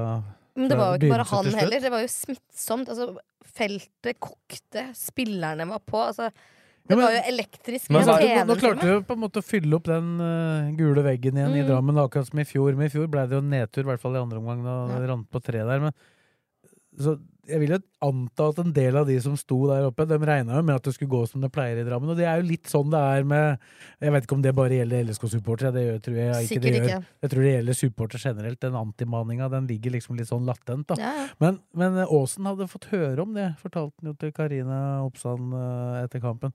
Om at han ikke har vunnet der siden 2009. Da hadde han blitt forbanna da òg, så han gira seg opp på det òg. Ikke fordi at, eh, at, at, for at det går an å fokusere på det, for det er klart, det som skjedde i 2010-2011, det, det betyr Ja, jo null og ja, men nada. det, dette sa jeg til folk på kontoret i dag. Jeg. Al altså, jeg har ikke vunnet siden 2009. Faen, det noen av spillerne var seks-sju år. Når det skjedde. Det er jo et helt annet lag. Ja, men det pleier å være ganske irriterende å dra ja, dit og bare ah, Ja, men det Nå, vi vinner jo ikke ja, men uansett. pleier-. Banen er 105 ganger 68 meter. Der er hengekøye i hver ende av parken. Hva faen er det som er så vanskelig på Marienlyst, da? Om, eh, hva het han der eh, islendingen som spilte? Som var i Stabekk og LSK? Palmi? Palmi ja. Palmason, Ja, om han tapte i, i, for åtte år siden i Drammen, det har vel faen ingenting med det som skjer nå å gjøre. Men det blir en sånn mental greie, da. Nei, der pleier vi å tape. Ja, men Eirik Bakke, jeg prata med han om dette øh, da jeg lagde en sak om at øh, nå blir det jo tre bortekamper øh, for han i starten her. Og så Drammen har jo ikke vunnet siden 2009. Det skal jeg i hvert fall ikke si til spillere. Hvis det er gode statistikker, så, så, så, så sier jeg det, for da håper han at det skal kunne utløse Ja. en positiv greie. Men Torgeir Bjarmann var helt motsatt der. For hvis du, hvis du nevnte en positiv statistikk til Torgeir, husker jeg, det, det ville han ikke snakke om. For det, det, da vil, blir det en brutt. Og hvis det var en dårlig en, det brydde han seg ikke noe om. Det var bare fint, for da kunne de slå tilbake. Og jeg tenkte jo litt, jeg tenkte jo litt ut fra det jeg har sett på treningene, hvordan de har jobba denne uka her, at det er, var litt tidspunktet for at For alle statistikker er jo til for å brytes. Ja. Altså, har jo til og med brutt statistikken på Lerkendal, eh, Krisa. Mm. Så da er jo alt mulig. Men Jo. Morten, Morten, jeg har tenkt over det mange ganger. Ikke før jeg var fer eh, ferdig sist gang i Eliteserien. Jeg har aldri vunnet på en Alfheim. Men det har jo faen ingenting med Alfheim å gjøre. Nei da. Ikke sant? Altså, om jeg har hatt Sandefjord, Skeid eller Lillestrøm eller Viking eller Fredrikstad eller hva faen jeg har spilt med der oppe Det har jo ingenting med saken å gjøre. Men det, men se- men det har noe å gjøre fordi at, som du sier da, Morten, at det fokuseres på det. Der pleier vi ikke å vinne. Nei, det er liksom grunnen? noen stadioner det er vondere å besøke enn andre, da, fordi man har den der forutsetningen Ja, men her pleier vi ikke å ta så mange poeng, ikke Ja, men er det noe stadion som burde ligne på Åråsen i intimitet, så må det jo være Marienlyst. Ja. Og når du får til høyt press på Marienlyst, på det kunstgresset der, så kan vi jo presse høyt Fjerna det gresset, òg, det var sikkert godt for oss.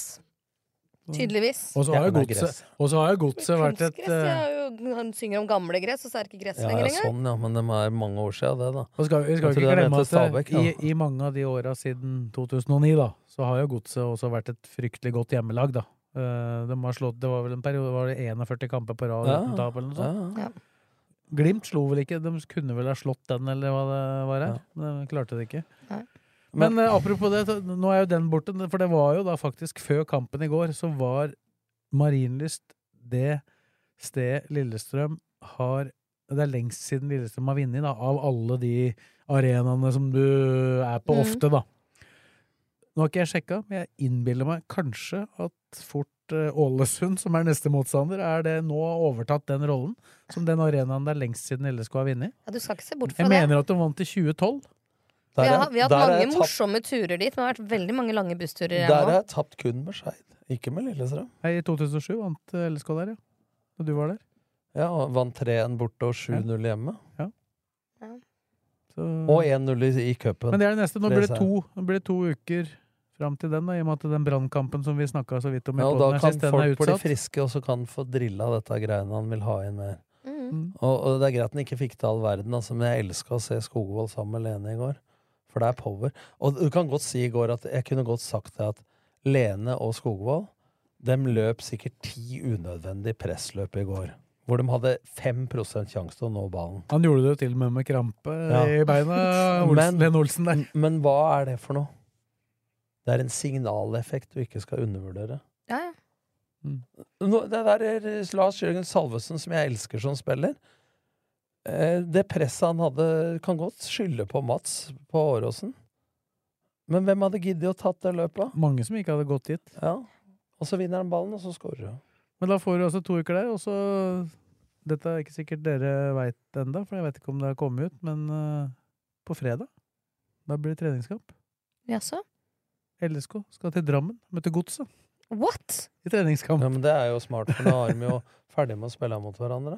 Ja. Så når begge Men det har hadde vært hyggeligere om den kom til LSK-hallen eller spilte på gresset her borte, da, for da kunne jeg stikke bort til lunsjen. Det passer vel best for begge å spille på kunstgress, kanskje. Da, Ja, men hvis på- LSK skal ha neste kamp på kunstgress, Ja da. Og det skal, det skal jo dem også. så er jo det smart. Ja.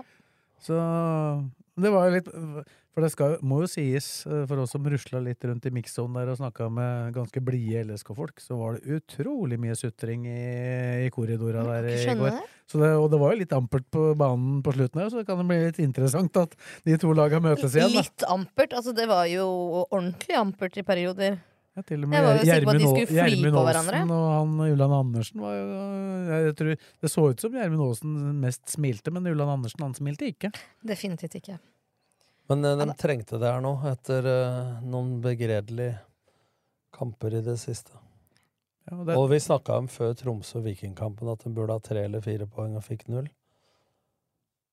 Men uh, dersom var de tre poengene her uh, for å henge med, da. Topp fire, eventuelt Europacup, viktig. Det er vel det eneste vi har å spille etter. Det er jo Europa nå. må i hvert fall tenke at du ikke skal slippe de som er bak i midtsjiktet der, som ikke egentlig de, de befinner seg jo for øyeblikket ingen steder, da, fra Sarpsborg og nedover der. eh, Har vel HamKam spilt seg nesten opp i den posisjonen, Ja, men det er klart, faktisk. hvis noen sier at ikke har noe sesongen er over, da tror jeg ikke man kjenner eh, konkurransehodet til trenere og spillere, altså. De vil vinne. It ain't over till the fat bare lady sings. Eirik, Eirik Bakke har i hvert fall ikke kommet til Åråsen for at sesongen er over. Det kan men, jeg garantere. Men du, du ser jo bare det at de som har konkurranseinstinkt, hater jo å tape ludo mot unga sine. Så det er klart at uh, Du veit at du har innsikt når du ikke lar unga vinne engang. ja. Så nei, det, det blir jo spennende. Så er det jo et overgangsvindu som skal stenge før neste kamp, da. Jeg vet ikke. Har du noe? Hva, er, erfarer har du noe, Sves? Nei, jeg lurer på om du hadde noe håper og drømme, håp og drømmer, jeg. Jeg har alltid det, men jeg pleier ikke å realisere noe særlig av dem. Så Jeg jeg, sånn, det, er, det er sjelden jeg har blitt spurt så mye. Skjer det noe snart, eller? Skjer det noe? ja, men erfarer du noe, Sves? Det er kanskje det viktigste spørsmålet Ja, vi men du Da hadde sagt nå at hvis du skulle hatt inn Fredrik Gulbrandsen som er for dyr, eller Sigurd Hause Haugen, så måtte du ha leid ut Skogvold. Ja, Der har de egentlig bestemt Der har seg for at der går seg. det med Skogvold. Du har tolv kamper til å utvikle han til å bli en Ja. eliteseriespiss. Ja, og det er helt riktig. Og han blir for dyr. Han skal ha for høy lønn uansett. Det er ikke noe vits. Det er bedre å Gudbrandsen, det er bedre å satse Men på jeg tror, her, her tror jeg de har tenkt De har egentlig penga til å kunne hente en av de to. Da. Eller, altså, det var jo Haugen som var mest aktuell, men uh, de, da er alternativet som Tom sier, da hadde alternativet vært å leie ut øh, Skogvold igjen. Ja, og så, Det hadde vært trist når vi ser hvordan han blomstrer nå. og så Men nå er jo stoppera på vei tilbake. Det eneste jeg ikke veit, er jo Roseth. Roseth, øh, for å ta en liten rapport på det, han trener jo nå mer enn han har gjort, men han har fortsatt ikke fått noe svar, da.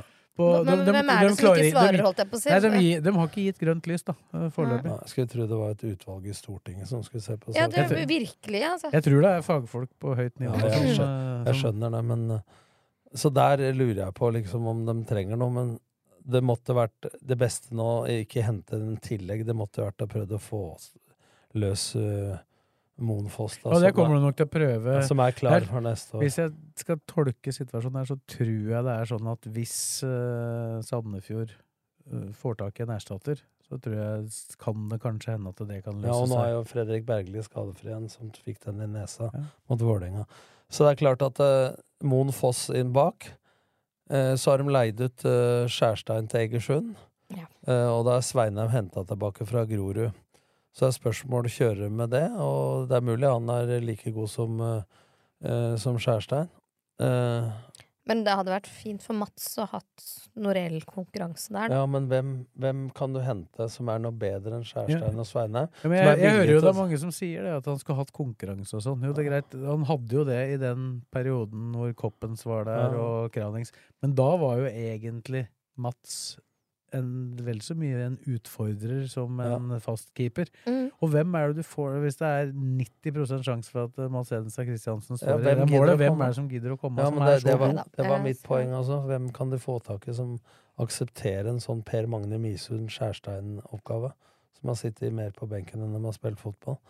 Så også Ranger, sikkert på vei tilbake igjen, så Ja, for han er jo denne uka Han var jo snakk om at de håpa å få klar til Brannkampen, og det vil Mm. vel mest sannsynlig si at han er en god mulighet for å bli klar til eh, kampen mot eh, Ålesund. Ja. Og da, da er det sånn Spørsmålet jeg sitter igjen med da, er om du skal få på topp nå, da. Hva har du i tillegg til eh, Skogvold og Lene?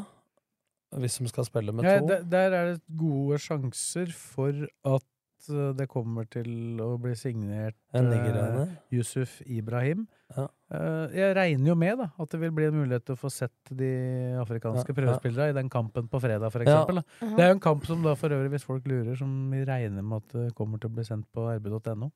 Men hvis de da signerer han da som et utviklingsprosjekt, så har man tross alt, hvis det skulle brenne på dass, da, Morten, så har man en, en backup, og du kan kjøre med én spiss i 3-4-3. Du kan kjøre opp uh, Svendsen, du kan kjøre opp Ibrahim Mai uh, osv. Men jeg veit vet, jo at det de på en måte Hvis du tenker i tillegg til Sander Moen Foss, da, som er naturlig å spørre om mulighet der, så er det en midtbanespiller, ja. de har uh, vært nærmest Der er det nok et par mann de har vært i nærheten av å kunne Ja. få signert. Den ene, ene veit jeg er en Bossmann-spiller som uh, da har valgt å ikke Han vil gå ut kontrakta. Ja, i en, en norsk en? Nei, ikke norsk. Nei. Uh, utenlandsk spiller i et annet Men, men det er da jeg tenker at du tok jo var i forkant på meg, da, for det er min konklusjon etter det Prøve å summere opp, da. Så er jo det nettopp en midtbanespiller, uh, hvis det er uh, noe fornuftig i det. Ikke sant? For det er jeg enig i, at eh, man skal ikke kaste strategien over bord.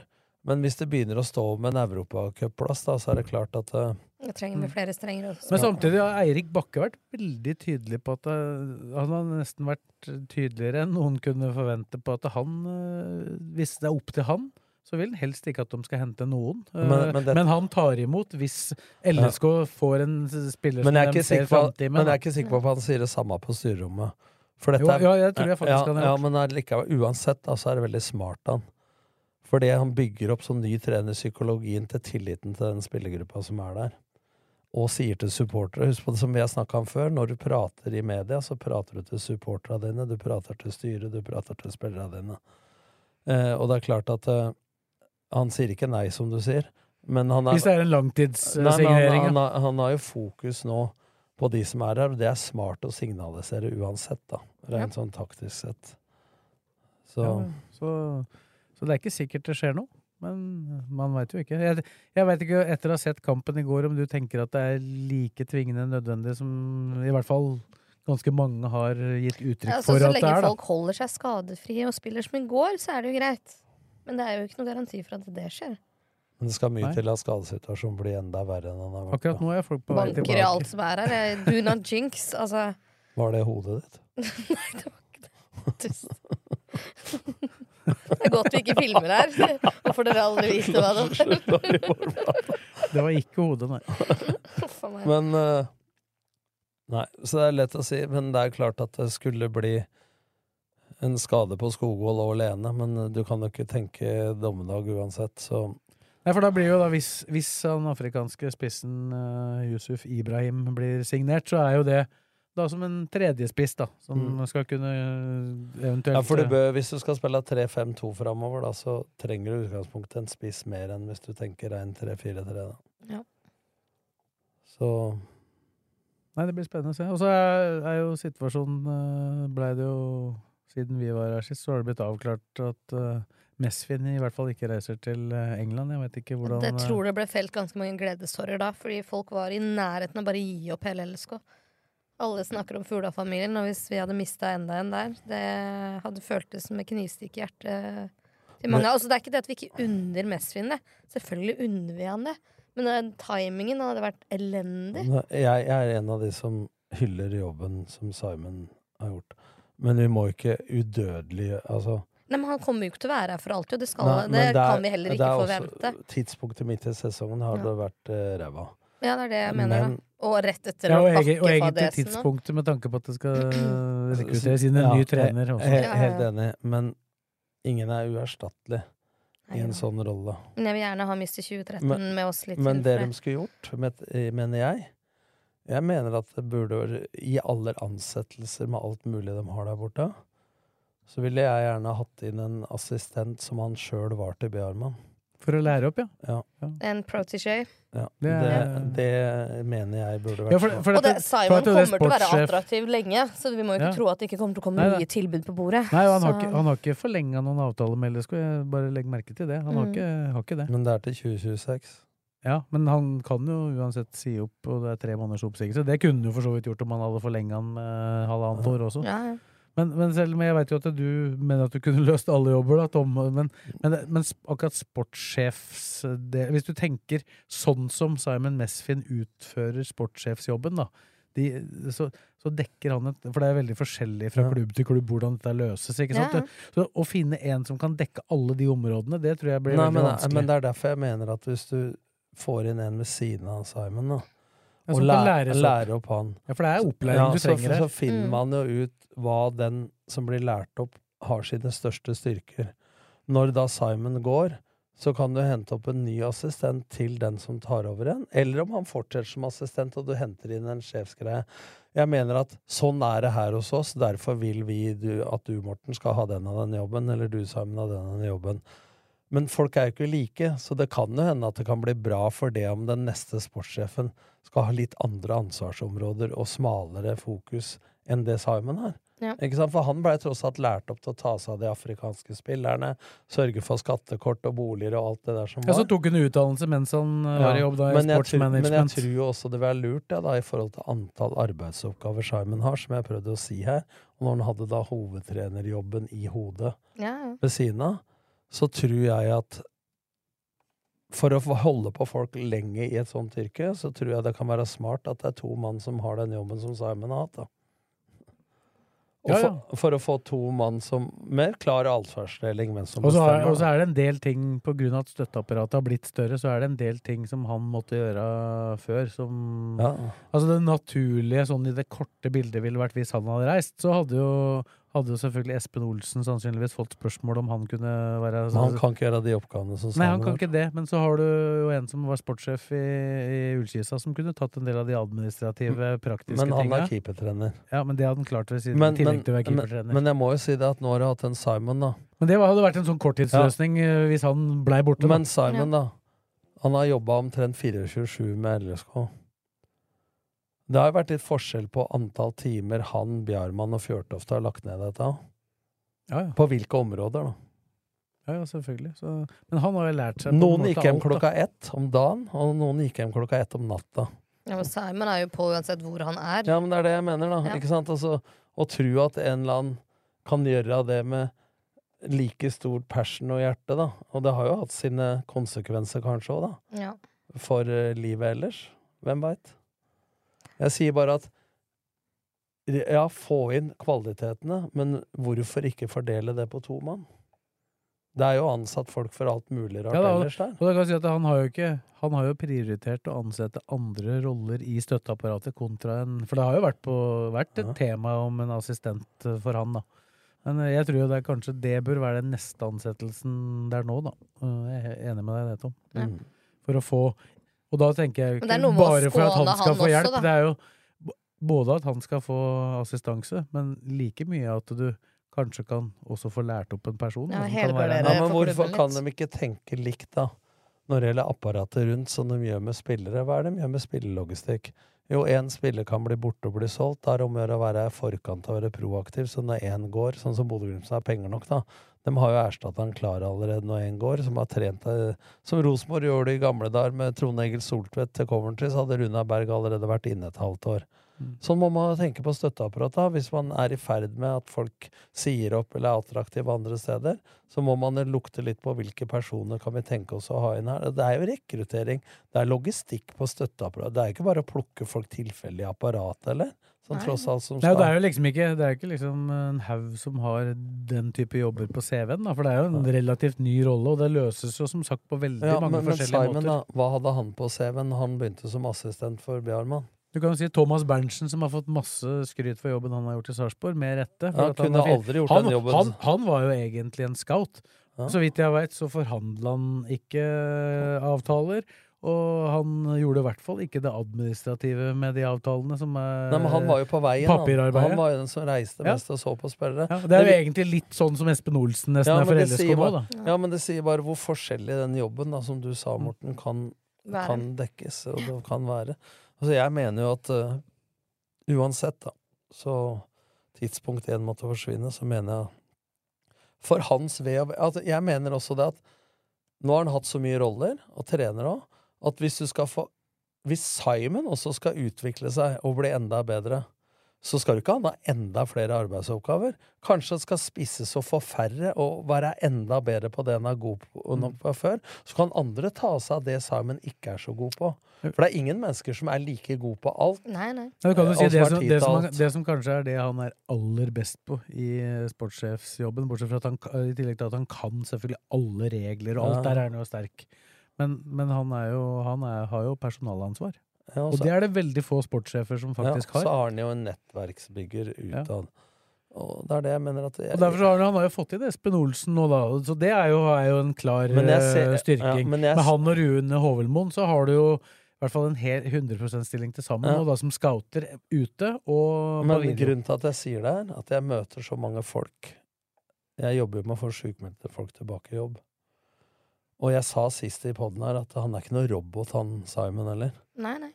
Og jeg ser jo at folk brenner lyset i begge ender, og en eller annen dag så sier det stopp. Det er begrensa hvor lenge Simon kan jobbe Ja, sånn som han men det er derfor jeg sier at vær noe proaktive, da. Vær i forkant, og Mm. få inn en ved siden av han til å lære seg opp, akkurat som han blei gjort med, med Torgeir.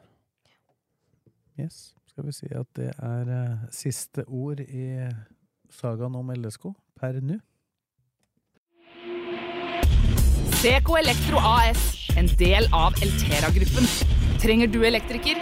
Gå inn på seco.no og bok din elektriker raskt og enkelt. Vi hjelper deg med alt innen elektro.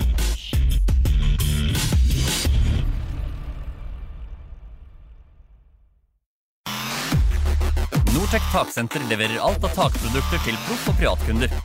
Fagkunnskap, service og rask levering til kunder over hele landet er våre styrker.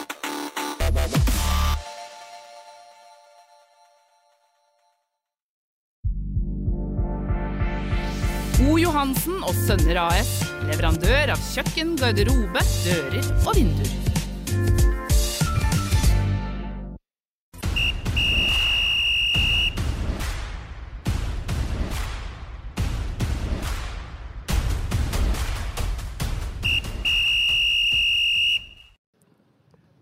Er vi eh, over i avdelingen for lokalball, og jeg sa jo før vi starta at vi skulle ha med oss eh, Fredrik Larsen, også kalt Eller han kalles jo bare for Blakeren. Det er jo ikke noe, ikke noe å legge skjul på det. Du, du befinner deg i utlandet, Fredrik. Eh, Kan du, kan du si noe om hvor du er, og før du går løs på lokalballen? Ja, nå er jeg i Berlin. Helt fantastisk by. Så folk som ikke har vært der, må bare ta turen. Det er en, en time og 30 minutter å fly.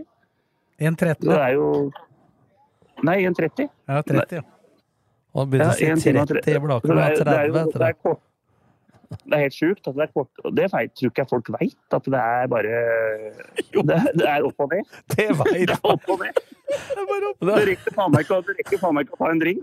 Det er, det er like, det er like, like greit, det er like før du sier 'Ich bin ein Berliner', nå, eller som John F. Kennedy.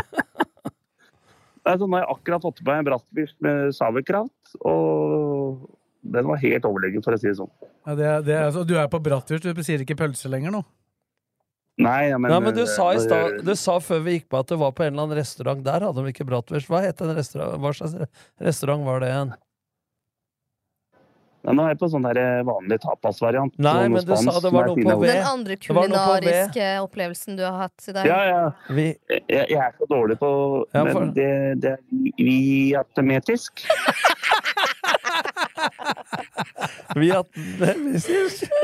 Nå var du fin, Blakkeren. Ikke vi. Ja, ja, men, ja, men, ja, men jeg klarer ikke å si det. Jeg, jeg sliter med den der M-en. Ja, det kan hende det var derfor vi ville at du vi- Hva er skulle det se du det. prøver å si, Vietnametisk. Vietnamesisk. Vietnamesisk var det. Nå Ja, var du søt. ja, hvordan, hvordan var den kulinariske opplevelsen der? Hva var det du hadde i det der? helt, helt fantastisk. Det var noe friterte kyllinger og noe salater og greier. Det var helt fett. Det var greit. Men eh, så vidt jeg vet, Men skal jo bla, bla, hva jeg driver med? Nei, det er bla, Blaker skal spille kamp i morgen, og så er du der? Ja, jeg, jeg kommer hjem i kveld, så jeg er i rute. Jeg er til Finstadbru hjemme i morgen. Hvem har treninga nå, da? Det er ikke trening. Nei, riktig. det var sånn det. Men du, da, må jeg, da, må jeg, da må jeg ta ordet litt. Nå sitter jeg i studio her, Blakkaren. Jeg sendte en melding til deg i går hvor jeg trente på kondis på Lørenskog. Og så skjønner Ja. jeg nå at det å trene Blaker, det må være det enkleste på jorda. For at eh, Nå skal jeg vise dem i studio her. To av spillerne hans. Han heter Elias, og den andre heter Viktor Jeppesen. Han Nei, mørkt der. ja, ja, nei ikke Viktor Jeppesen, men uh, han heter ikke Viktor Jeppesen. Nei, hva heter Nå han? blander du. Ja, jeg roter. Ja, jeg Hva roter heter- Hva heter han, da? Hva heter han? Nei, du tenker på Jeppe og, Ja, hva heter og Jeppe? Elias, du. Hva heter Jeppe? Nå satt du meg helt i brødvinkelen her. heter- Jeg, jeg bruker bare kallenavn, jeg. Hva heter ikke han Viktor Jeppesen? Marius Jeppesen. Marius Jeppesen. Ja, greit, men han i mørkt her, da. Jeppesen, Jeppe som Blakan kaller. De løp intervallet på mølla i går, så det grein. Og så kan du, kom de bort til meg og sier skal du på podiet i morgen. Bare fortell ham Blakeren at vi trener. Han har løpt halvmaraton på 1,19. Jesus. Så det er jo å trene Blaker, da. vet du. Nå skjønner jeg hvorfor dere trener to ganger i uka og har åtte uker sommerferie. For du trenger jo ikke å trene i det hele tatt med disse gutta. Han, han der andre, han Elias der, der tok sånne hangups og beina over. Men eh, du tar sikkert sju av ti i dem, du og Blakeren, som du pleier. Men eh, de gutta var i form, altså. Løp, løp dem på 19 km på mølla, eller? Nei, det, jeg spurte dem om det. Ja. Blakeren påstod han skulle løpe på 19. Hadde ikke greid et minutt engang, sa de. Han satte mølla på 19 i går på kondis. Jeg så fort det gikk. Altså, du hadde, hvis denne mølla hadde stått foran vindu eh, på kondis der med McDonald's og Langvann der, så hadde du ligget langflatt ute i Langvannet, for det hadde gått gjennom vinduet på 19 km. Så de gutta dine må jeg bare gi blomster til. Eh, pluss du har jo han derre Nordsjetten og så videre, eh, som er i knallform.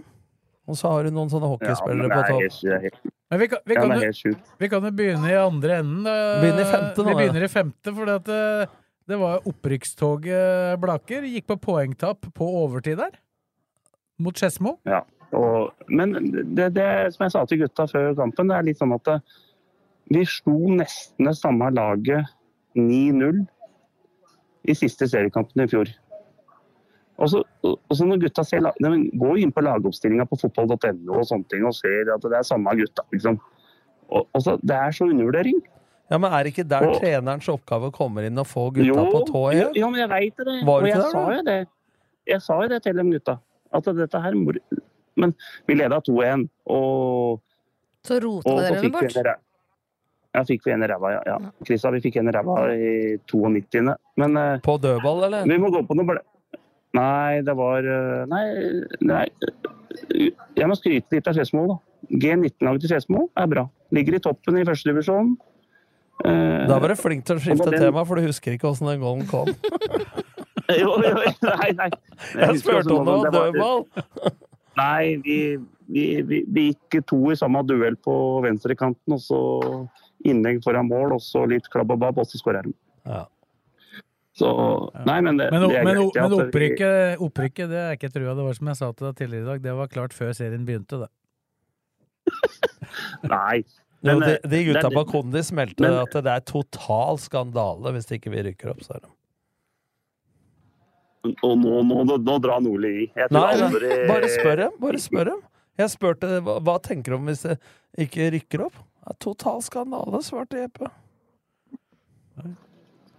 Da blir det sitert på det. Ja, ja, ja, men det, jeg, jeg, må jo, jeg kan jo stikke fram hakka her, og det har jeg gjort hele CS. Det veit du òg. Ja, ja. Det gjorde jeg før sesongen òg. Og jeg, jeg er jo veldig på det at eh, jeg kan egentlig ikke se hvordan vi ikke skal rykke opp. Nei, det, det, er er, det, det er det ingen som ser, det. Så det går bra. Nei, ja, men, det- men det er bare det at hvis ikke gutta Jeg veit jo hvor gode de gutta jeg har på Blakker er. Og hvis de vil, og vil rykke opp uten meg Jeg kan sitte her i Berlin i to måneder til. Så tror jeg, så, så tror jeg de klarer det likevel. Ja. Det er såpass innarbeida, innarbeida, Det det, spillsystemet. det er første gang jeg hørte deg prate deg ned, Blakkern. Nei, nei, men det mener jeg. Det, det gutta er eh, fantastiske. Og det sier Nordli, jeg blir litt glad når du sier det, når du møter dem på Kondis. Og så ser du to av eh, gutta til Blaker. Og så ser du at de er Det er nesten sånn at det er idrettsutøvere. Det Det er ja, men det må jeg si. Det må jeg si at hvis de gutta der Jeg tror ikke det er snittet, men altså hvis de gutta der pluss Nordsæter og sånn som jeg kjenner fra før, spiller i femte, da er det Ja. ikke publiga lenger. Altså, for eh, det, det er mulig de trener to ganger i uka fotball, men herregud, Ja. altså. eh, Der var jeg, gamle meg, og trente, og dem. Mens du var Ich bin ein Berliner, med sauerkraft og bratwurst og hele pakka. Og, og, og restauranter. Vietnam Vietnamesisk. vi, Viatematisk. Nei, faen, nå bomma jeg igjen, jeg nå. Viamatisk. Vi, viatematisk? Er det ikke det? Vietnamesisk. Vietnamesisk. Ja, der var jeg. Da er vi ferdig, da er vi ferdig med det. Det, det kommer seg inn i rekka med nota bene og ikke notoane og pencil, Ja, han skåra han, pastill han, skåra, med med spelkevekk, han òg. Det var kampen ingen fikk greie på hvordan gikk det, hvis du ikke så på rb.no. Jeg måtte sende melding til Bakkhaug, 4-3, sa han. Ja, ja. ja, men har, har du sett for sjuk eh, oppdatering? Det var 0-0 langt ut i 89, Ja, men jeg gikk, bare på R, jeg gikk til og med på RB, da var det ikke der heller. Nei, men kampen, kampen ble jo sendt på RB, da. Ja, ja, men Ja. sånn på live. Ja, det er NTB Men det er femte, så dere topper. Men da må du gå på fjerde, da, for da kan du ta den rekkefølga der. Fjerde der er det litt Ja. kamper i kveld, da. Ja, men fjerde, altså, når jeg var jeg og så Sørumsand Rælingen, og jeg må krype til korset, faktisk. Eh, Vant Sørumsand? det er ja, det er faktisk de to beste lagene jeg har sett i Federasjonen i år. Og det var en så morsom match. Så Du mener at Eif er Ja, ja. sjanseløse, da? Nei, nei, men det er best Jeg tror Eidsvoll har det beste laget, men jeg tror eh, For, for ei uke siden, bare minner deg på det, så sa du at jeg tror Ja, jeg veit det. Jeg vet det. opp. Jeg, jeg tror det. Jeg, jeg, jeg tror fortsatt det, faktisk. Men jeg, Ja. det er den beste Federasjonsmatchen jeg har sett på lang, lang tid. Men Sørumsand avgjorde jo den kampen, og da får jo dem et visst grep her, da. Ja, ja. Og så skal jeg si om Sørumsand, da. De er så gjennomført, liksom. Peggen, jeg har hatt han som trener før, han er eh, fryktelig sterk og trykker på de rette knappene. Og så har de to spillere på laget der som er helt fantastiske, i Simen Melby og Jesper Kornbakk. Og når de er skadefrie, så Jeg tror faktisk Sørumsand rykker opp. Ja. Så forrige uke Det- var Eif, nå er det Sørumsand. Ja, ja, ja, men de er, de er veldig avhengig at ikke en av de gutta blir skada. Ja. Og det For det er liksom eh, Og dette veit jo dere sjøl òg. Simen spilte fast i Strømmen Han spilte ikke fast, men han spilte åtte-ni matcher i Obos på Strømmen. Og Jesper Kornbakk, en av de største talentene jeg har sett, i hvert fall. Nesten eh, Erlandsen tok den nesten opp i A-troppen i Lillestrøm. Ja, det er vel, det er vel ska, skader som har vært utfordringa hans. Ja, ja, ja. Ikke sant? Men det er jo ja, De gutta er så gode, vet du. Så det er litt sånn at det er litt, det er litt synd at de spiller ferdig, syns jeg, da. Hvem er det som spiller i dag, da? Eif spiller i dag, eller? Ja, Løvenstad spiller, Ja. den sendes jo mot Raumnes og Årnes. Ja, ja, nei, det, er, det, er, eh, er, er full rulle nå i dag. Så ja, Det blir spennende å se. Nå møter jo jeg tror, Er det ikke Rælingen Eif- Eidsvoll i dag, da? Jo, det er mulig. det. Rælingen spiller med i dag igjen? Nei, dette var jo forrige helg. Eller forrige uke. Så det, Nei, men Det er de tre lagene som styrer. Jeg gidder ikke å gå innom resultatet. Jeg kan ta dem, men det er jo liksom sånn Ja, men det går bra. Ja.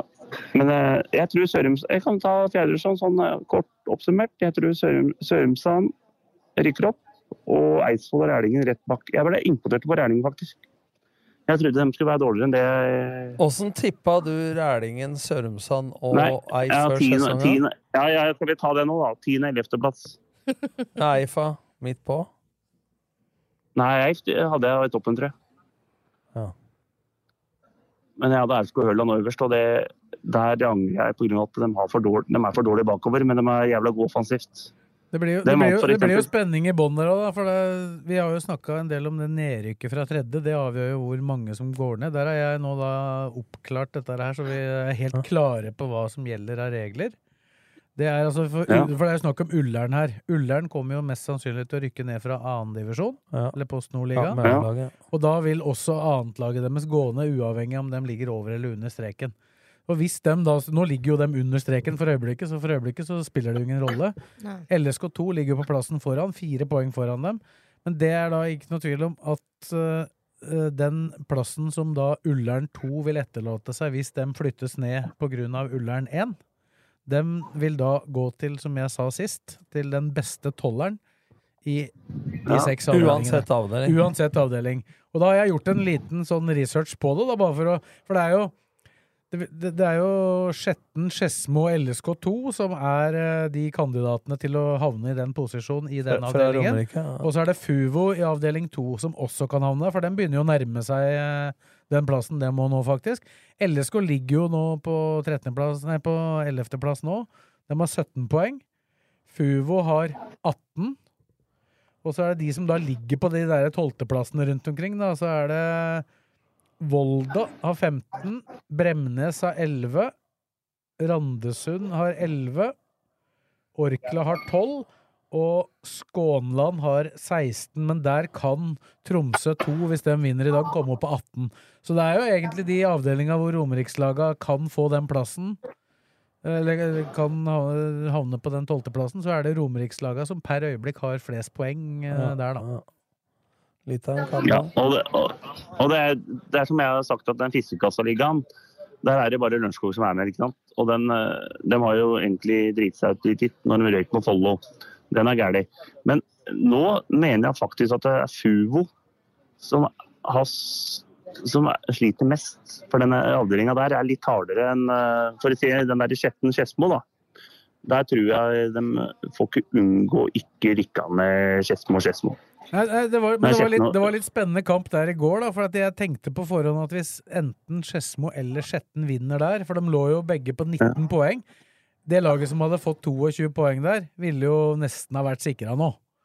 Men så Ja. spilte de jo selvfølgelig uavgjort, så det ble jo ett poeng ut i havet, og så ligger begge på 20 nå, da. Men LSK2 er Ja, jo det laget som ligger det er LSK2 som ligger dårligst an der nå, for det, de skal stille med ganske tynt juniorlag mot uh, gode lag fra Bergen, blant annet. Men de møtte Os i helga, som ligger på andreplass. Og det var en meget god prestasjon av det juniorlaget som tapte junior-NM eh, på onsdag mot Sarpsborg. Ganske ufortjent, eh, det tapet på onsdag. Og så, og så var det ikke veldig langt unna at eh, de fikk med seg poeng i den kampen mot Os heller. Nei. Altså, det er Nei, nei, ingen, er- ingen lag fra Romerike altså, men I tredjedivisjon da, så er det jo fortsatt Hvis du tenker på Eidsvoll-turen, da. Ja, så det er ingen lag som forsvinner fra, fra tredjedivisjon per nå. Nei, så Eidsvollturen eh, kan jo ta Hønefoss hjemme, da. Nå bråker du fælt, Blakkaren. Ja, men jeg tok kofferten. Jeg går med Ja, kofferten. hold den kofferten i ro, og bestikk og alt som er. Det smeller i øra her. Nei, men jeg må nesten, nå kommer taxien her, så jeg må nesten ta god jul. Da er det bare Kisa og Men, Strømmen men, igjen, om vi kan klare å prate oss igjen. Ja, men du så på Strømmen, gjorde du ikke det? Kis. Jo, jeg så den. Å, fy faen. At det er Gjøviklin Jeg tror dem eh, rykker ned. Jeg, jeg syns Strømmen De kjørte over dem. Jeg så hele matchen på iPaden min, faktisk. Altså, fikk du med skåringa, skåringa rett før slutt, og 1-0 der. Ja, men men så klarte der du kommer Strømmen inn! De er for naive. Det er ikke det liksom, de hadde ikke ett skudd på mål, Gjøviklin. Og så skårer de med 89 og jubler rundt og cornerflagger og alt er i orden. ikke sant? Og så tar det 30 sekunder, og så bare er det en som nikker fra åtte meter i mål. Så Gjøviklin vinner to. Ja, det er helt, helt. Så laget som, ikke, så laget som ikke kunne spille uavgjort, har nå spilt uavgjort to ganger på rad. Ja, det, det, det er sjarma. Det, Ja, det, det, det, klarte vi å bli. 1-1. 1-1, ja. Så Kisa, Men jeg så det- den Kisa, Strømmen, Kisa Strømmen er, de har så mye bra i laget, så det er helt at jeg blir litt sånn der, jeg, jeg blir litt starstruck faktisk på noen av Strømmens gutta. For at de er, de er så gode. Nå tror jeg du skal ta taxi snart. Nei, nei, nei, nei, men jeg, jeg, blir litt, jeg, jeg syns det er litt sånn morsomt å se på dem. da. Og så, og så føler jeg at de ikke får betalt.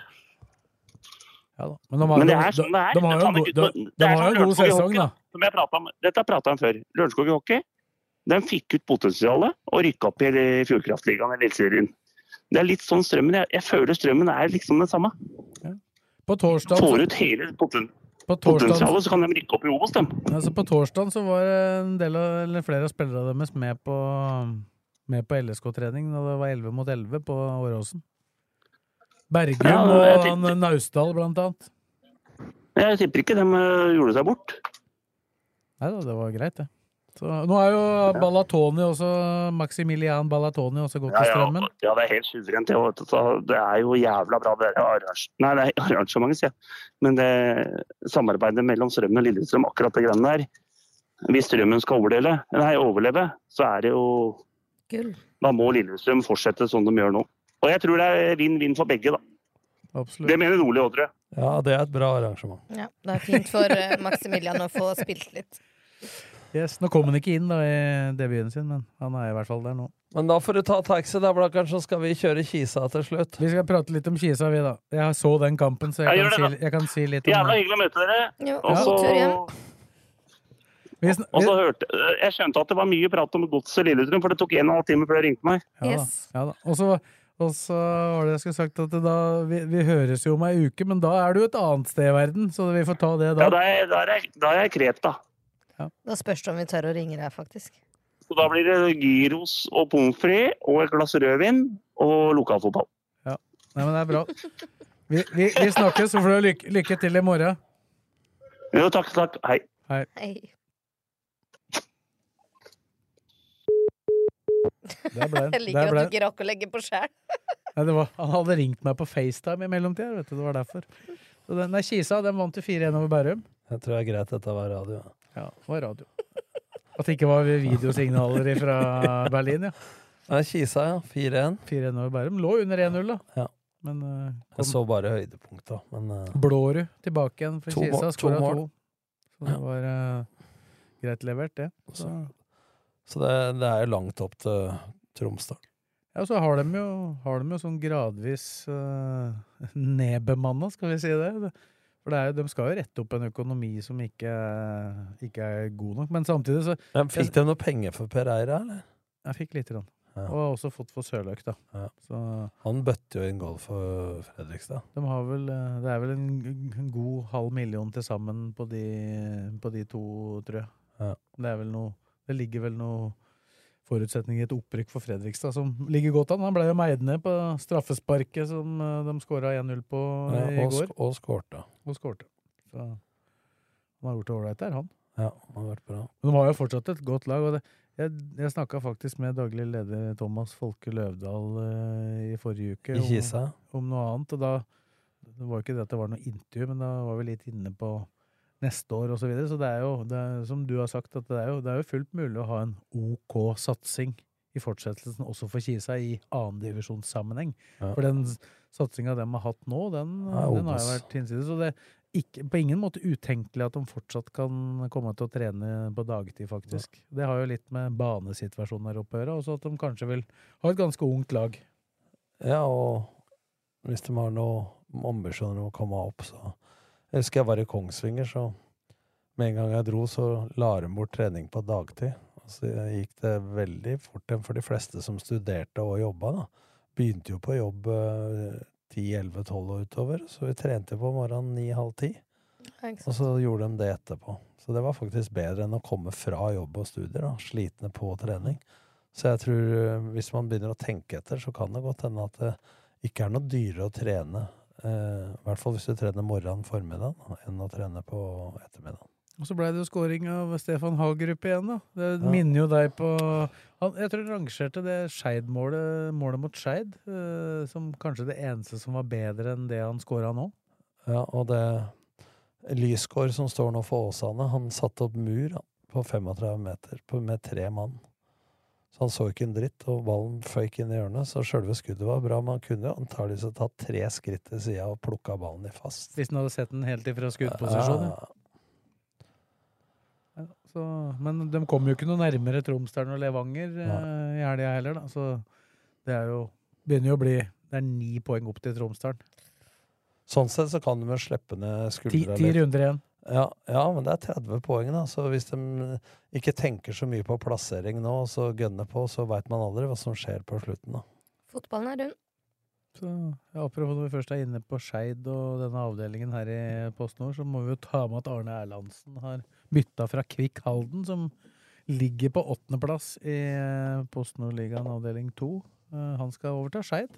Mm -hmm. Ja, men eh, har han kjøpt den fri, eller hva har skjedd? eh? Ja, ja, det Hva som ligger av økonomi der, det, har ikke peiling. Den har jeg bare fått med meg via, via andre medier. Arne har, som flere av oss, redda lag før, men rein, da har de kasta alt over bord. For at spillestilen med Gard Holme, som er possession, possession, possession og risiko, risiko, opp imot Arne, det er jo som å bytte ut Carl Jager med Erling Folkvord. Men det er jo kanskje, men det er jo kanskje en logisk, eh, logisk eh, løsning for å berge noe, da, og ikke være romantisk. Det må Ja, vel det er spilles eh, ordentlig. Men, men så skal jo det adapteres, da. Men det, at det blir klarere, Det blir noen klare beskjeder. klare retningslinjer, klare beskjeder, og ut med laget. Ja, det blir det. Så Det kommer til å bli fra sidelinja, det. Ja. Så det er sju poeng opp til eh, de to laga som ligger eh, Som er mulig å hente inn. Ja, også De har jo, bortsett fra nå i det siste, stort sett hatt heng i det i mange kamper, da. Og liksom tapt på overtid og, og sånne ting. Så de har jo tapt på risiko. Du leder her mot Fredrikstad, ikke sant? Eller uavgjort, og så er det 89. minutt, og så driver de med å spille veggspill på egen 20 meter og sånn. Det er dette jeg snakker om taktisk kynisme, da. Og det er ingen tvil om at det kommer Arne til å bringe inn. Og, og guts. For nå tapte de jo for Hødd nå i helga si, så, Ja. så det er jo Hødd. Og det er jo dårlig butikk med tanke på den kvalikplassen, for det er jo et av de laga de kjemper med for å unngå det. Ja. Pluss Åsane. Så Nei, vi får nå se. Men det er jo en eh, utfordring for Arne, da. Sånn, sånn sett så burde vi ha gjort det før Hud-kampen. da. Ja, det var vel ikke så veldig mye som forandra seg etter den, bortsett fra at de har en litt dårligere mulighet til å klare det. Ja, men det, hvis du tenker det laget de kjemper mot, da du skal få en effekt av noe inn, Mm. så bør vi øve på å beslutte. Da ville jeg gjort Gjort grepet før, før det. Akkurat som her borte, så burde de kanskje gjort grepet en uke før eller to. Istedenfor å dra på snøballkrig til Larvik. Timing er alt. Sånn er det. Skal vi si at det er bra for uh, denne uka? Ja. Da har vi hatt med oss Fredrik fra Berliner Bollens hjemland. Hjemby, til og med. Vi får jo håpe han får være med fly. Ja, det, det, det får vi Ja, satse på. så ille tror jeg ikke det er. Nei da. Det går nok fint. Så takk til Tom, takk til Kristina, og takk da til eh, Fredrik som var med oss på telefon. Og så takker vi deg som eh, hørte på for at du orka det. Og så er vi tilbake neste uke.